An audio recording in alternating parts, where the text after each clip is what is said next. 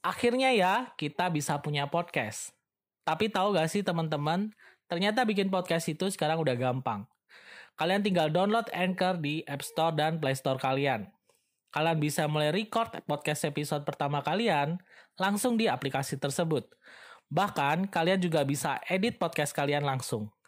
Melalui Anchor Podcast, kamu akan didistribusikan ke podcast streaming platform seperti Spotify, Apple Podcast, dan lain-lain. Dan yang pasti, gratis. Yuk download aplikasi Anchor di App Store dan Play Store kalian atau kunjungi www.anchor.fm. Selamat bikin podcast. Halo semuanya, salam sejahtera ya. Kembali lagi ditanyakan dokter. Halo, salam sejahtera. Kembali bersama saya ditanyakan dokter.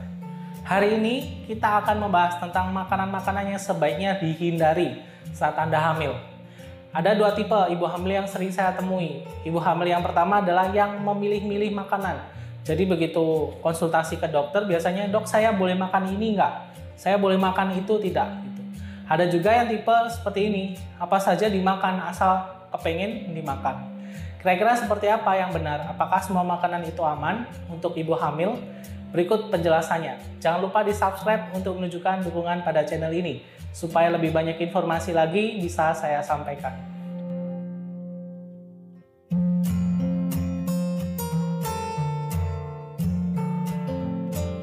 Saat hamil, tentunya makanan ini sangat penting. Gizi yang kita makan dari makanan ini berguna juga untuk pertumbuhan dari si janin. Namun ternyata tidak semua makanan aman untuk dikonsumsi sewaktu Anda hamil. Berikut ada beberapa makanan yang sebaiknya Anda hindari. Yang pertama adalah makanan keju impor yang lunak atau keju impor yang tidak dipasteurisasi. Pasteurisasi di sini maksudnya adalah kejunya kan merupakan olahan dari susu.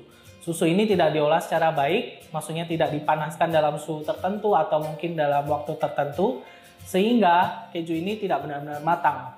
Ada beberapa keju yang ternyata kalau tidak dipasteurisasi, hasilnya adalah masih ada sisa-sisa bakteri pada keju tersebut. Paling sering adalah keju yang mengandung bakteri Listeria. Bakteri ini ternyata bisa masuk menembus plasenta, maka dari itu sebaiknya ibu mengurangi keju Keju sebenarnya kalau keju yang jenis ini adalah keju-keju impor yang biasanya dalam bentuk bongkahan seperti itu. Namun kalau misalnya kita makan dalam bentuk sudah seperti keju mozzarella, mungkin keju cheddar itu masih aman. Jadi pilih-pilih keju yang Anda konsumsi. Jenis makanan yang kedua yang sebaiknya ibu hamil hindari yaitu adalah makanan mentah atau makanan setengah matang. Ada teori yang mengatakan bahwa makanan mentah atau makanan setengah matang ternyata banyak mengandung bakteri. Salah satunya adalah bakteri Salmonella yang menyebabkan tipes, kemudian bakteri E. coli yang biasanya ada di kotoran kita. Nah, makanan mentah ini banyak sekali ya. Misalnya, kalau ibu suka makan sushi, makanan Jepang, itu sebaiknya selama hamil mulai dikurangi atau bahkan di stop kalau bisa. Kemudian makan steak. Yang suka makan steak nih biasanya yang medium rare atau mungkin yang kematangannya tidak well done itu sebaiknya ibu hindari karena tentunya kalau makanan daging tidak tidak terlalu matang itu juga beresiko ada bakteri. Kemudian makanan-makanan lain seperti seafood yang tidak diolah dengan baik yang masih mentah itu juga sebaiknya Anda hindari. Kemudian juga yang suka nih makan telur-telur setengah matang sebaiknya juga dihindari karena ternyata telur itu kandungan bakterinya cukup tinggi kalau tidak dimasak dengan baik. Jenis makanan yang ketiga yang sebaiknya ibu hindari saat Anda hamil adalah makan ikan laut. Nah, ini ada beberapa salah persepsi nih. Kadang-kadang banyak yang orang beranggapan makanan berisi gizi itu selalu makan ikan laut.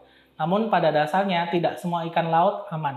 Apalagi kalau ikan lautnya yang ikan laut besar seperti ikan hiu, ikan makarel, ikan tuna sirip kuning dan lain sebagainya. Karena beberapa ikan besar itu ternyata kandungan merkurinya cukup tinggi. Nah, kalau misalnya ibu mau makan ikan, ikan laut boleh pilih ikan laut yang ukurannya kecil atau sedang dan frekuensi untuk makan ikan laut sebaiknya tidak berlebihan. Kalau misalnya dua kali dalam seminggu masih boleh. Merkuri pada makanan yang kita konsumsi ketika Anda hamil tentunya bisa berdampak buruk, terutama pada perkembangan otak janin dan bisa menimbulkan kecacatan. Tentunya ibu harus memperhatikan, ternyata tidak semua ikan aman. Dan kalau misalnya mau ikan mau makan ikan, boleh ikan tawar saja, misalnya seperti ikan lele, ikan nila, ikan teri itu masih bagus. Akhirnya ya, kita bisa punya podcast. Tapi tahu gak sih teman-teman, ternyata bikin podcast itu sekarang udah gampang. Kalian tinggal download Anchor di App Store dan Play Store kalian. Kalian bisa mulai record podcast episode pertama kalian langsung di aplikasi tersebut. Bahkan, kalian juga bisa edit podcast kalian langsung. Melalui Anchor Podcast, kamu akan didistribusikan ke podcast streaming platform seperti Spotify, Apple Podcast, dan lain-lain. Dan yang pasti, gratis. Yuk download aplikasi Anchor di App Store dan Play Store kalian atau kunjungi www.anchor.fm. Selamat bikin podcast. Tipe makanan yang keempat yang sebaiknya ibu hindari, yaitu makanan-makanan yang manis. Nah, Manis ini tentunya relatif, tapi kalau misalnya ibu terlalu sering makan makanan manis, minum-minuman yang terlalu manis saat hamil, risiko nanti janinnya jadi besar di dalam rahim atau makrosomia. Atau misalnya kalau ibu dengan e, riwayat diabetes atau kencing manis tentunya juga harus dibatasi karena nanti berisiko juga janinnya jadi besar. Jadi kalau selama hamil makan manis boleh nggak? Boleh sedikit-sedikit tidak masalah, tapi jangan berlebihan. Golongan yang berikutnya yang kelima adalah yang mengandung kafein. Kafein ternyata kita sering temukan pada minuman yang biasa kita konsumsi seperti kopi, teh, minuman bersoda, minuman berenergi yang biasanya bikin stamina lebih bagus, bahkan makanan seperti coklat. Ternyata kandungan kafein ini berbahaya karena bisa e, terlalut dan tembus pada plasenta. Kafein yang mengenai janin bisa berisiko menyebabkan kematian janin yang mendadak atau juga risiko untuk berat janin lahirnya jadi rendah. Anjurannya menurut penelitian sebenarnya untuk kafein adalah dosis maksimalnya 200 mg per hari. Kalau ibaratkan dari kopi, kopi instan yang sasetan itu tidak lebih dari dua cangkir. Maka dari itu kalau ibu misalnya pengen minum minuman seperti soda, kopi, teh, boleh saja dan coklat juga boleh. Tapi dilihat kandungan kafeinnya berapa. Sebaiknya tidak lebih dari 200 mg per hari ya. Kemudian susu. Susu ternyata tidak diperbolehkan ya, terutama susu yang tidak dipasteurisasi. Pasteurisasi ya seperti penjelasan di awal, susunya tidak dipanaskan dalam suhu benar-benar matang dan waktunya juga singkat. Tujuannya sebenarnya bagus kalau susu pasteurisasi ini adalah susunya kandungan kalsium dan nutrisi lainnya masih bagus sehingga bagus untuk tubuh. Namun ternyata ada efek sampingnya juga. Susu yang tidak dipasteurisasi ternyata kandungan bakterinya masih ada. Maka dari itu ibu kalau minum susu sebaiknya yang UHT, susu UHT atau mungkin susu-susu kehamilan itu sudah pasti keamanannya.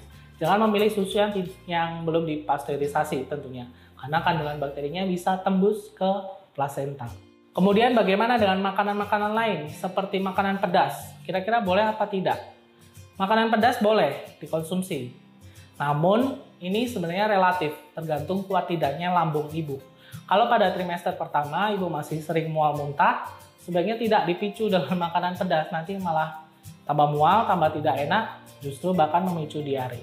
Maka kalau misalnya makan pedas dibatasi saja, kira-kira saja jangan terlalu pedas juga sampai perutnya sakit ya tidak baik juga.